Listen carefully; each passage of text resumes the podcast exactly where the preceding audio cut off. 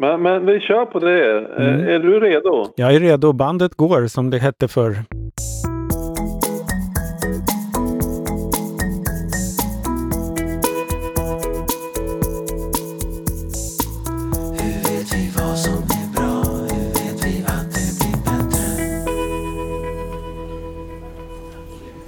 Kafferast i Kunskapsfabriken. Välkommen till Kafferast i Kunskapsfabriken, Mats Ansén. Tack så mycket Mårten. Mycket trevligt att komma hit. Och trevligt att ha dig här. Eh, om än vi ses över en dator här för det är ju coronatider så att vi, ja, men visst. vi gör som man ska. Eh, vem är du då?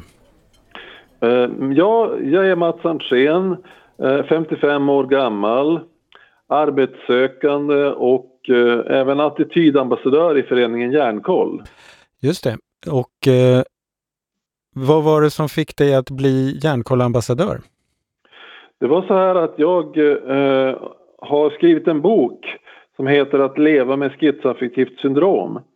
Och i samband med att den boken blev klar så föreläste jag på eh, psykeveckan i Umeå på, på Väven, Kulturhuset Väven. Och i samband med det så träffade jag en del människor som till sist ledde mig till föreningen Järnkoll och Brittis Malm. Just det, som är samordnare för Järnkoll där uppe. Jajamensan. Mm. Precis, och med din historia och att ha skrivit en bok om sin egen resa med psykisk ohälsa och återhämtning så passar du ju alldeles utmärkt i järnkoll helt enkelt. ja, jag tycker det. Det känns som jag fyller platsen bra. Vad var det som fick dig att skriva den där boken? Ja, men jag kände ju det att jag hade någonting att berätta. Att eh, min historia från, från det jag föddes och fram till idag är, skulle kunna vara intressant för andra att läsa om. Och Särskilt med, med infallsvinkel på hur det är att utveckla en sån här sjukdom och hur det är att sen återhämta sig och komma till ett bättre mående. Ja, just det.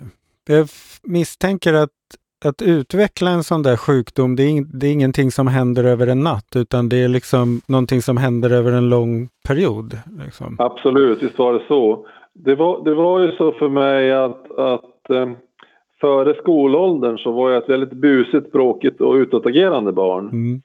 Och, eh, tyvärr var det så att min fröken Frida i första klass var expert på att tämja, tämja små vilda pojkar.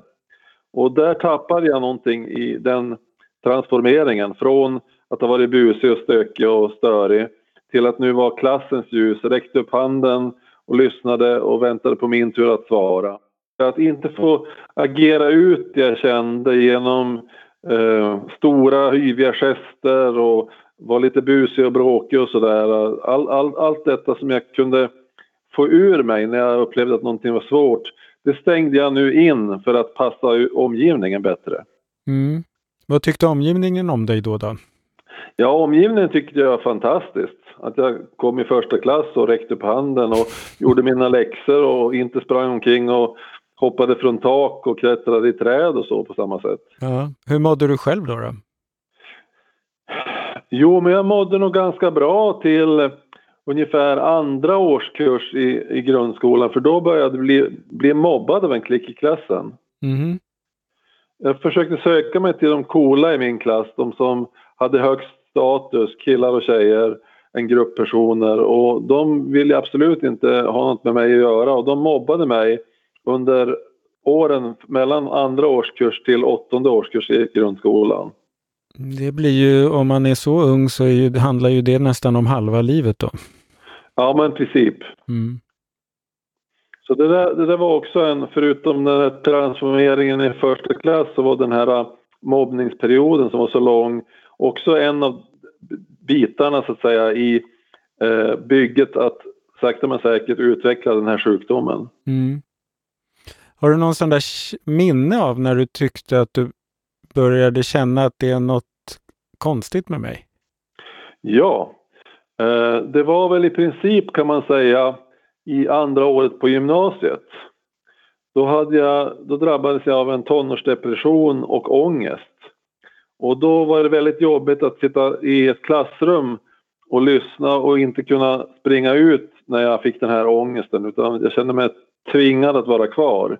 Mm. Och på rasterna så försökte jag återhämta mig och spenderade mest tiden på toaletten och försökte djupandas och, och bli lugn igen. Fick du någon hjälp med det där?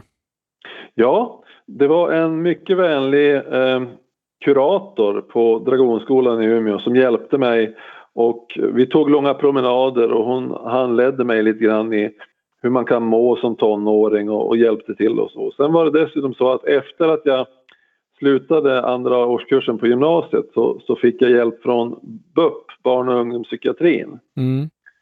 Och där hade jag en, en eh, mycket vänlig man, en eh, psykolog som heter Per som hjälpte mig under ungefär två års tid det låter ju ändå som då med tanke på vad som har hänt dig senare att det inte tog slut med det, men att du ändå fick någon form av hjälp som lindrade. Men, men eh, ja. fortsatt, eh, förändrades det där måendet sen eller? Ja, alltså det där gick ju i vågor och i perioder och eh, jag har ju haft, man kan säga att jag har haft tre kriser i mitt liv. Mm. Den första krisen det var den här andra året på gymnasiet med tonårsdepression och ångest. Eh, och det, lösningen på det var att istället för att läsa så började jag jobba. Mm. Och fick, fick då hjälpen även från, från barn och ungdomspsykiatrin och då, då var det bättre. Sen så var det så att eh, mitt yrkesliv fortsatte och jag jobbade en period inom skolbarnomsorgen. Mm. Eh, och då hade jag ett arbete på ett väldigt trevligt ställe där det var ett enavdelningsfritidshem. Men sen så skulle man lägga ner det och jag var tvungen att söka en ny arbetsplats. Och den arbetsplatsen jag sökte mig till, det var en sån här experimentskola där man hade mycket höga kravförväntningar på alla. Och jag var den som hade kortast utbildning och kortast arbetslivserfarenhet. Och ändå så ställer man samma krav på mig som på lärare som hade läst många år på universitetet och jobbat i 25 år kanske. Mm. Så då var jag utbränd på den eh, skolan och eh, den, det var den andra krisen i livet och då hjälpte det att börja läsa igen efter det. Så det var lite omvänt. Den första krisen då började jag jobba och den andra krisen började jag läsa. ja, det är bra. Just det. Vad studerade du då för något? Eh, jag läste till fritidspedagog. Ja, ja, okej. Okay. Eh, mm. Alltså att eh, det var väl kanske inte helt eh, rätt väg att gå om man ska ta sig ur en utbrändhet, att gå tillbaka i princip till samma yrke. Men jag lärde mig oerhört mycket på utbildningen. Framförallt så lärde jag mig att hantera datorer. Jaha. Mm. Och efter, efter de åren, 93, 94 på, på uh, lärarutbildningarna, på fritidspedagogutbildningen, så började jag en resa mot att, att istället för att jobba med människor så jobbade jag sen då med teknik och datorer. Mm. Fick du något jobb då för det med det där med datorer och sånt eller? Ja, alltså efter fritidspedagogutbildningen så jobbade jag någon kort period som fritidspedagog och sen så var jag sjuk faktiskt och sen så läste jag lite i omvänd ordning. Fritidspedagogutbildningen förutsatte att man hade fyra år i yrket och barnskötarutbildning i botten, men det, man behövde ingen gymnasiekompetens. Den läste jag in eftersom jag bara hade läst två år av treårigt gymnasium. Så läste jag in det året på folkhögskola. Mm. Mm. Ja, eh, och då gick jag som sagt på den folkhögskolan och eh, efter det hade jag kompetens att läsa på universitetet igen då. Då läste jag några kurser där. Men, men det här med jobb, det, det vart nog en lång vägsvandring innan det hände någonting och egentligen kan man säga att det var väl först, eh, först runt 2000 som det började öppna sig möjligheter för mig. Jag hade några arbetsträningsplatser tidigare men det var inte med datorer. Men år 2000 kom jag till företaget GF 2000 Förkortningen GF står för gemenskapsföretag och GF 2000 är ett socialt företag med särskild inriktning på att öka anställningsbarheten för personer med psykisk ohälsa. Men under den här perioden nu då när du har studerat och, och liksom bytt lite banor och sådär, hur mådde du då? Jag mådde väldigt dåligt. Det var så att eh, på eh, folkhögskolan där jag läste var, var det många i klassen som inte riktigt gillade mig. Så jag var inkallad till ett möte med, hos kuratorn och två av eleverna. Och där frågade de hur, hur jag kunde vara så besvärlig och, och trist att ha att göra med. Och en av tjejerna där som pratade med mig, hon sa så här, jag förstår inte hur du håller ihop, hur du kan, du verkar må, må som du hade hela världens tyngd på dina axlar och må väldigt psykiskt dåligt. Och det där var nog en väckarklocka för mig, så efter den snacket med, med de här tre damerna, kuratorn och två tjejer, så, och terminen, vårterminen tog slut på folkhögskolan, då sökte jag hjälp för psykisk hälsa. Och då fick jag möjlighet att, att vara hos Sankt Lukas. Ja, ja. Mm. Det är Sankt Lukas, de tillhandahåller terapier och sånt. De utbildar väl även terapeuter och sånt där tror jag. Ja, men mm. precis. Mm. Men du, jag tänkte på de här, det här samtalet du fick med de här två tjejerna och kuratorn. Var det så att de var arg på dig eller var de oroliga för dig? Alltså jag uppfattade nog att de var arga på mig och tyckte att jag störde mycket i klassen. Mm. Men med, med någonstans också en, en liten tanke kring att jag skulle hitta någon bättre mående eftersom de upp, upplevde att jag hade ett väldigt dåligt mående. Så de var, det var liksom, de var, de var arga men också de brydde sig om? De brydde sig om, ja. ja, just det. Ja, det låter ju som att du tack vare det fick lite hjälp att fundera över hur du hade det? Eller? Absolut, och mm. det var ju fantastiskt de här åren på Sankt Lukas att jag kunde komma tillbaka till eh, att känna mina känslor, ilska, vrede, eh, ledsenhet, uppgivenhet, ensamhet, alla de här känslorna som jag hade ju levat ut det, det här lilla barnet före Ja, då, när du var utagerande på den tiden. Där fick jag en återknytning, en återkoppling till hur känslorna känns och hur det är i kroppen när man har en viss känsla. Och, och jag lärde mig att, att, eh, tolka mig själv så att jag kunde verkligen leva i känslan. Om till exempel var arg så kunde jag vara intensivt arg på en person eller en sak en, en period. Sen var det som att det hade släppt. Då hade jag fått ur mig det där. Ah, ja, okej. Okay. Mm. Så du fick lite koll på vad du tidigare inte hade släppt ut under lång tid? Ja, verkligen. Ah. Hur släppte du ut det då? Eller vad, lärde, hittade du bra sätt att släppa ut de där jag känslorna på? Jag hittade bra sätt att pysa ut det och att, att, just vara i kontakt med känslorna. Att känna att nu är jag faktiskt, jag, även om jag inte gråter så är jag riktigt ledsen. Och mm. känna det, den där känslan att veta om att nu är jag ledsen. Och inte försöka gå ur den känslan så snabbt som möjligt utan att stanna kvar i den. Och, och likadant med de andra känslorna, att, att, att, så att säga leva ett tag i känslan. Ja, just det. Hur var det? Jo, det var skönt. Ja. Det var härligt att känna att jag och nio hade någon form av känsloliv som, så, som var bra och så. Sen fick jag dessutom hjälp med medicin. Jag åt, åt antidepressiv medicin. Ja. Och, och, det var väldigt bra. Men efter en period, tvåårsperiod på Sankt Lukas så sa min terapeut till mig att hon inte kunde vara kvar som min terapeut för hon såg att utvecklingen bara gick neråt. Så att då, då fick jag hjälp av psykiatrin då och det var ju väldigt bra för då bytte vi även medicin från antidepressiv till antipsykotisk. Jaha, men då betyder ju det att de hade börjat utreda och ta reda på mer om dig? Um... Ja, absolut. Och så var det ju så att även om jag hade den här antipsykotiska medicinen så så, eller jag kommer inte riktigt ihåg om jag fortfarande stod kvar på antidepressiv medicin. Så var det i alla fall så att jag bodde i Vännäs ett par år mm. och där fick jag en psykos. Aha. Mm. Och det var ju då tredje, tredje krisen i mitt liv och hjälpen ur den psykosen och den krisen det var att, att eh, jag, det var helt enkelt så att jag ringde till sjukhuset från Vännäs och bad att få komma in på sjukhuset och där var jag kvar i en månad eh, och var på låst avdelning. Okej, okay. men du la in dig frivilligt? Jag la in mig frivilligt. Jag, jag ringde och försökte övertaga, övertala en sjuksköterska där på sjukhuset en sen natt när jag inte hade sovit på flera nätter att de måste skicka en bil och efter 30 minuters samtal gav hon med sig och så skickade hon en bil. Kafferast i Kunskapsfabriken. Men hur är det att få en psykos? Det är väldigt mycket rädsla. Ja. Kommer det väldigt plötsligt i ditt fall eller liksom? Nej, det var, det var gradvis. Mm.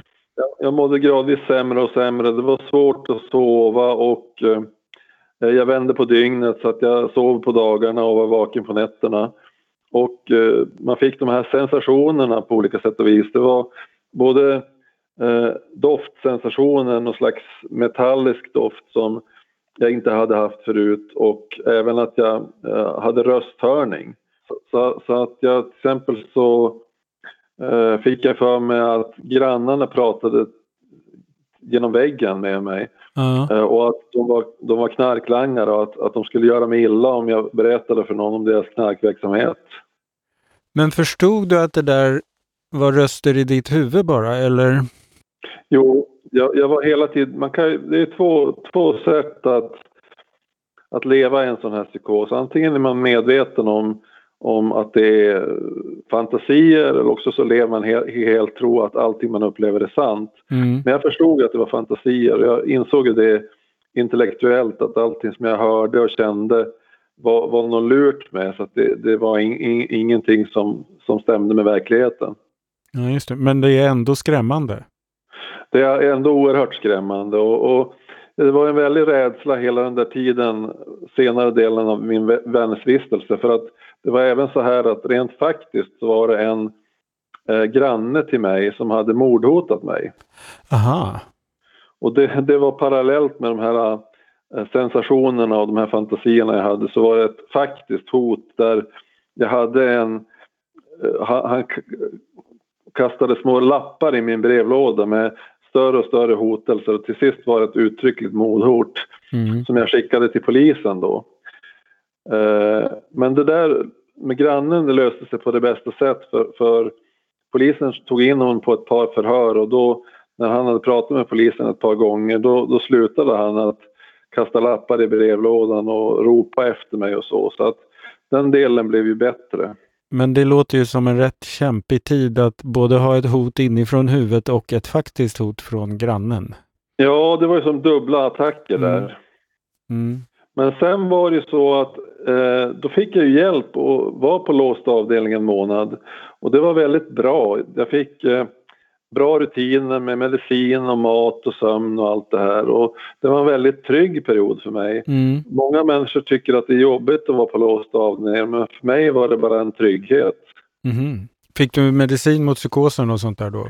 Ja, men precis. Då, då, då satte man in, om, om inte tidigare så satte man in nu i alla fall antipsykotisk medicin.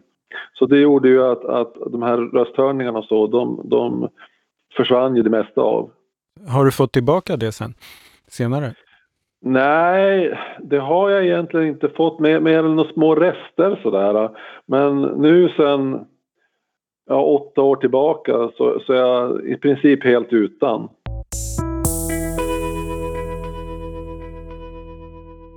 Under den här perioden som jag var på låst avdelning så frågade doktorn mig där om jag var, visste vad kognitivt behandlingshem var. Mm. Är du intresserad? Om du vill kan två personer från Ersboda eh, behandlingscenter komma hit på sjukhuset och prata lite grann med dig. Mm. Och då var det så att de här kom och pratade med mig och efter den här månaden på låst avdelning började på detta Ersboda behandlingscenter. Mm -hmm. Och det är någon sorts dag, dagverksamhet då eller? Ja, jag bodde där. Okej. Okay. Mm. Eh, jag var inskriven i, i, tre terminer och då hade man sitt rum där och man hade, det var sex klienter, sex patienter alltså och tio personal på det. Och det var personal dygnet runt så även på natten fanns det personal. Man hade ångest och vaknade och så kunde man prata med någon. Och det där var en fantastiskt fin vårdform där man hade olika former av terapi, egen terapi med två, två terapeuter samtidigt, en man och en kvinna. Eh, gruppterapi med en specialutbildad terapeut, bildterapi, olika former av gymnastik med innebandy och terapibad och, och lite sådana bitar. Och eh, sjukgymnastik och så. Så det fanns alla möjliga olika typer av resurser där och det var en väldigt trygg miljö. Om, om, om tiden på psykiatrin på låsta avdelningen hade varit trygg så var den här tiden på Ersbrot behandlingscenter som att vara hemma på något sätt. Jaha, vad härligt. Eh, men då hade man liksom en lång plan för att du sakta men säkert skulle få börja må bättre? Ja men precis, det var, det var en långsiktig plan man hade. Mm. Sen var det även så att när jag var utskriven från behandlingscentret så hade jag poliklinisk kontakt från eh, 2001, 2002 någonstans till eh, 2018. Och den här polikliniska kontakten det bestod i att jag hade mina mediciner via centrets läkare och att jag hade eh, terapisamtal en gång per månad. Ja, ja, så även när du hade flyttat därifrån så hade du en löpande kontakt? Absolut. Ja, just det. Mm. Hur är det att inte ha den nu då? Jo, det är lite annorlunda, men, men eh, efter den här tiden och polikliniska kontakten på Ersby behandlingscenter så, eh, så fick jag hjälp eh, via faktiskt centret att komma till en psykolog på psykosmottagningen på sjukhuset i Umeå. Mm. Och få behandling för, för en annan diagnos som jag också har som heter OCD, Obsessive Compulsive Disorder. Aha, okej. Okay. Tvångshandlingar och tvångstankar. Mm. Och det var en fantastiskt år, 2019, som jag jobbade med den eh, psykologen på, på sjukhuset. Och eh, det här tvånget jag hade och allt det där eh, fick en jättebra utveckling så att jag har, nu har jag så väldigt mycket mindre tvång. När jag till mm. exempel skulle lämna lägenheten då var jag tvungen att kolla eh, att alla datorer var avstängda, att alla fönster och dörrar var stängda, att spisen var stängd, att bryggarna var stängda. Kolla 17-18 gånger innan jag nöjde mig. Mm. Och nu eh, har jag väldigt mycket mindre koll av det så att det är en fantastiskt bra utveckling på det sättet. Det där tvånget, är det något du haft med dig hela livet eller kom det senare? Jag tror att man kan säga att det smög sig fram efter att jag hade den här psykosen. Så, så efter den tiden så, så kom det gradvis att bli värre och till, tills jag då fick hjälp för det.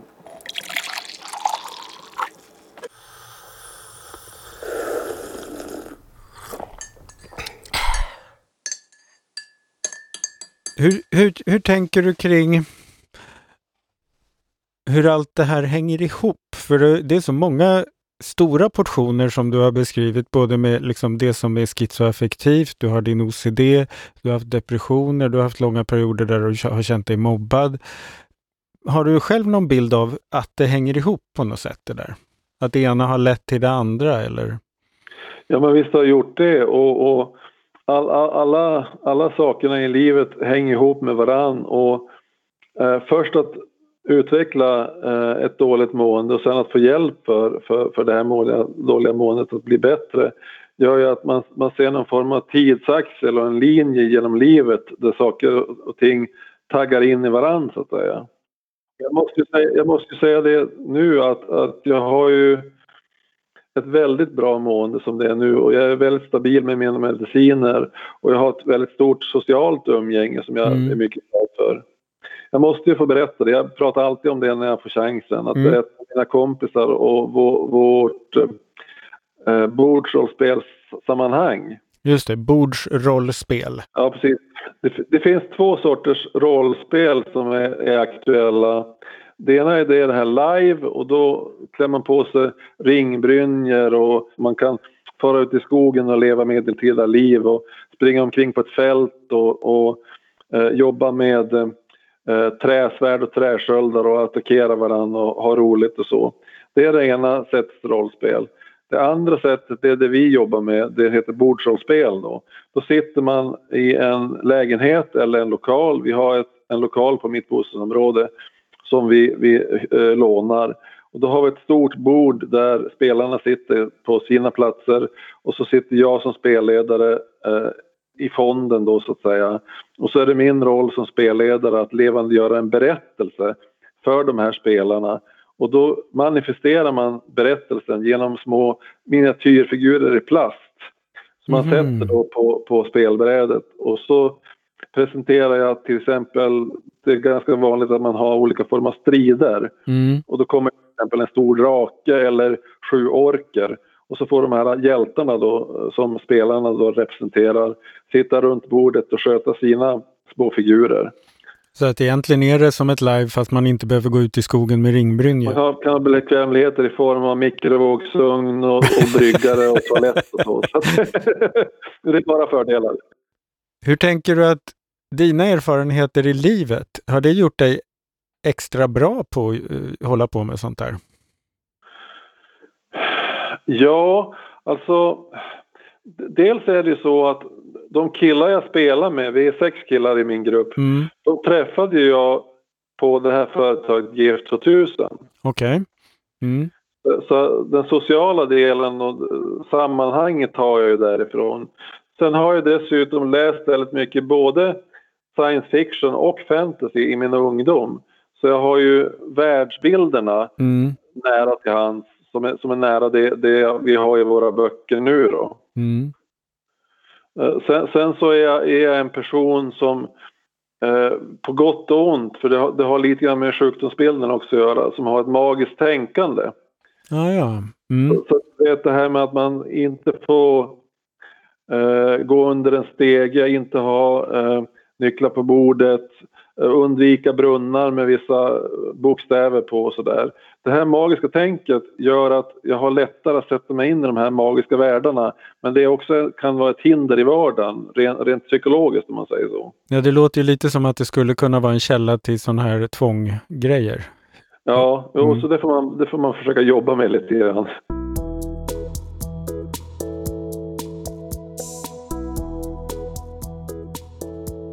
Arbete med lön ur min bok Att leva med schizoaffektivt syndrom. Jag jobbade på GF i sex år. Mot slutet på min tid på företaget kände jag att det var dags att sträva mot ett lönearbete som jag inte lyckades få på mitt företag. I januari 2007 sökte jag kontakt med Försäkringskassan där jag hade min sjukersättning för att där få hjälp att komma i kontakt med Arbetsförmedlingen. Att ha en så pass allvarlig diagnos som schizoaffektivt syndrom var nog en faktor som gjorde att jag fick god hjälp här.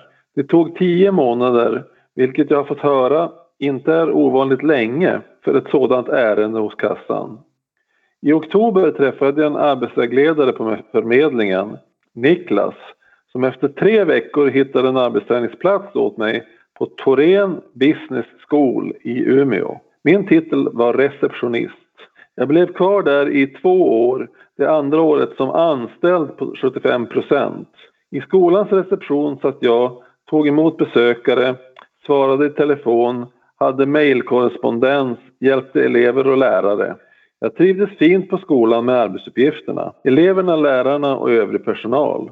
Jag frågade min handläggare på Försäkringskassan hur många av hans klienter som hade liksom jag gått från 100% sjukersättning till att lönearbeta på 75% Han berättade att av alla dessa klienter han haft var det en handfull som gått så långt. I september 2009 tog mitt vikariat på skolan slut. Då anmälde jag mig till AF igen. I början hade jag samma arbetsvägledare, Niklas. Sen fick jag byta handläggare och den nya hette Karin. Tack vare hennes ointresse att hjälpa mig fick jag gå utan sysselsättning till dess att hon uttryckligen sa att jag inte tillhörde en prioriterad grupp. Jag var inskriven på förmedlingen för att få jobb, men det var viktigare att hjälpa andra än mig. Om jag kunde hitta en arbetsplats som ville ha mig kunde jag få hennes bistånd, men hon ville inte söka platser åt mig. I detta läge var jag både arg, ledsen och desperat. Min pappa hjälpte då mig att bearbeta förmedlingens ledarskap ihärdigt och länge. Till sist hotade pappa att gå till pressen med mitt ärende. Först då fick jag hjälp. Den hjälpen består i att jag fick en ny förmedlare. Hon såg till att jag fick börja hos en privat aktör, Arbetslivsresurs. Där fick jag gå på föredrag, träffar och fick en personlig konsult som bistod mig att hitta en arbetsträningsplats.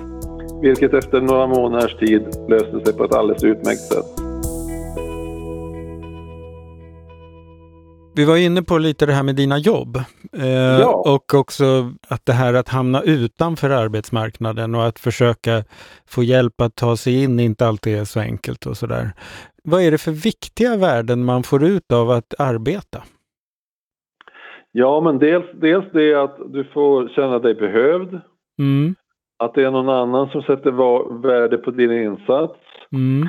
Sen att du har det här sociala sammanhanget. Det, det är ju många som får känna på det nu som inte har känt av det tidigare som, som har jobbat kanske hela sitt liv och, och inte prövat på att sitta på sin egen kammare något mycket. Nej. Men nu får de personerna sitta och jobba hemifrån och saknar just det här sociala sammanhanget. Mm. Så, så det jag kan berätta för andra kan ha en större relevans efter den här pandemin än den hade före.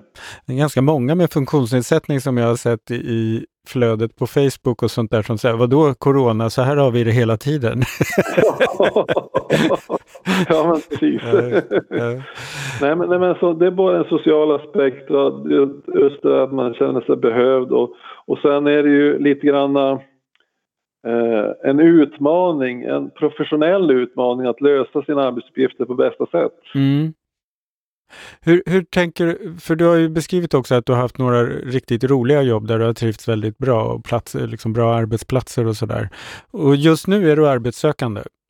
Just nu är jag arbetssökande. Mm. jag har hjälp via Arbetsförmedlingen. Eh, går ett projekt som kallas INAB. Eh, och det, det, är ett projekt som är till för sådana som mig som har bakgrund med någon form av ohälsa och finns hos Försäkringskassan och där, där man nu har fått hjälp av Arbetsförmedlingen att, att uh, få hjälp av en extern aktör. Mm. Mm. Numera är det sällan så att arbetsförmedlarna hjälper till att söka jobb åt dig utan de hyr ofta in en extern aktör. Ja, just det. Uh, och då hjälper den här externa aktören mig med att hitta en arbetsträningsplats. Okay. Jag har varit på en plats men, men, men, eftersom det inte ens i teorin fanns möjlighet att få en anställning där så Nej. söker vi vidare nu då. Mm. Eh, vad hoppas du på? Jag hoppas på att kunna, jag har en liten plan. Ja. Det är den att om fem år så skulle jag vilja ha eh, en anställning åt ett studieförbund i Umeå. Aha. Eh, och jobba med sociala medier, administration eh, och faktiskt eh, det var en liten fågel som viskade till mig att det kunde finnas eventuellt något intresse från min sida sett att hjälpa till med en podd. Jaha, vad trevligt.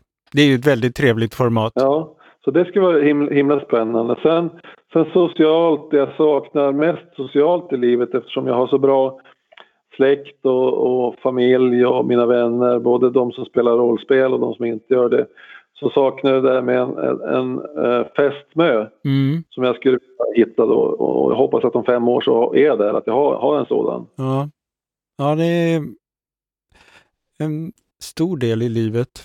Vare sig man har det eller inte har det så blir det en stor del i livet. Ja men verkligen. Mm.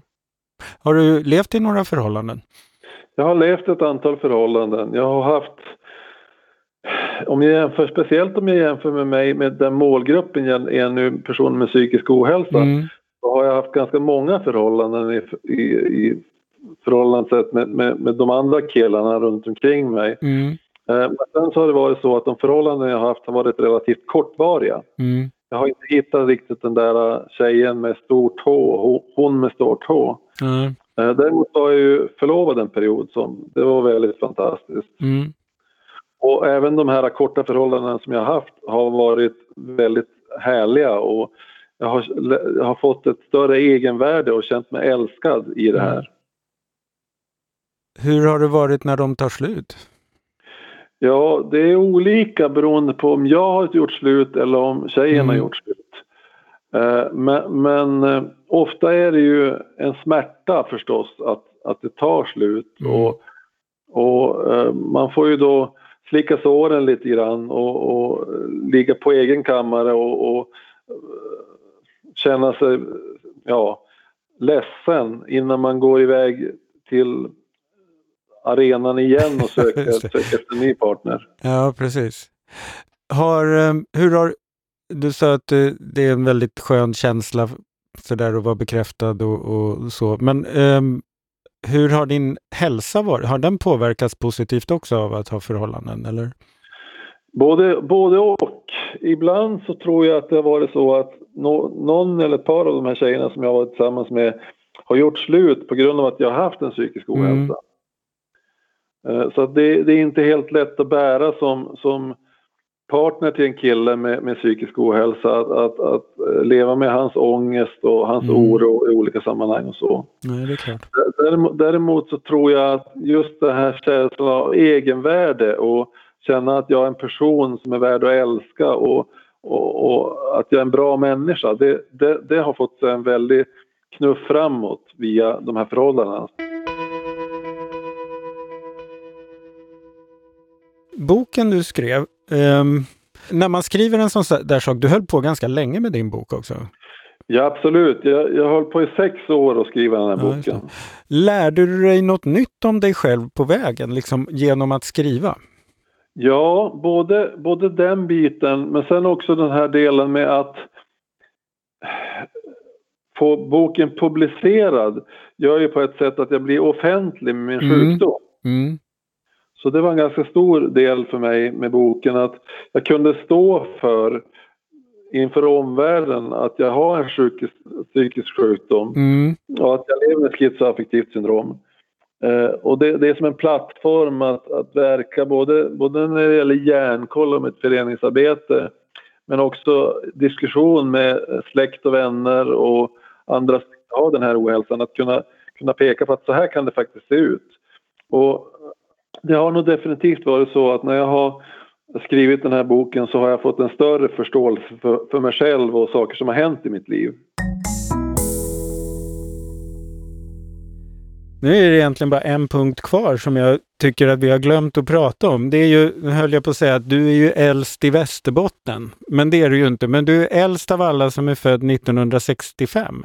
Jag föddes eh, på eh, ny, nyårsnatten Natten mellan nyårsafton och nyårsdagen 25 minuter över 12 1965 och för det, den prestationen fick jag och mina föräldrar plats i Västerbottens Folkblad som eh, först född det året. Det är underbart. Visst är det härligt? jag tycker det är, det är något verkligen vackert över sånt, liksom att man uppmärksammar sådana saker. Jag minns det, det, det, går ju oftast att läsa i tidningen vem som var först född det här året och sådär. Och så har ja. jag fått träffa en sån. Ja, precis. Det, det känns väldigt bra faktiskt. Och det till saken hör också att det här avsnittet som vi sitter här och spelar in, det kommer vi förmodligen släppa på nyårsafton, så då kan man ju ha det i ja, åtanke. Att, att snart Snart fyller eh, Mats Entrén 56 år. Jajamensan. Om man hänger på låset och lyssnar så fort vi släpper den så är det mindre än ett dygn kvar tills du fyller 56. Exakt. Men stort tack för att du ville vara med i podden. Tack så mycket Mårten. Ja, jätteroligt och eh, hoppas vi snart kan ses på riktigt igen.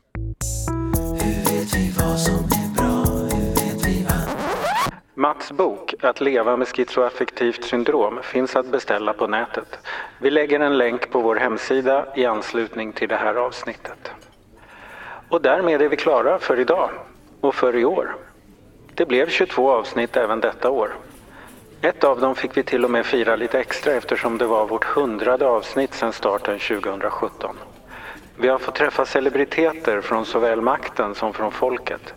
Vi har värvat erfarenheter av egen sjukdom, av att vara anhörig och av att försöka använda de erfarenheterna till att göra saker bättre.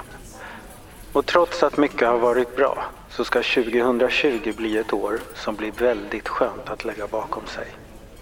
Väl mött i det nya. Den här podden görs av NSPH, Nationell samverkan för psykisk psykisk hälsa. Läs mer på vår hemsida www.nsph.se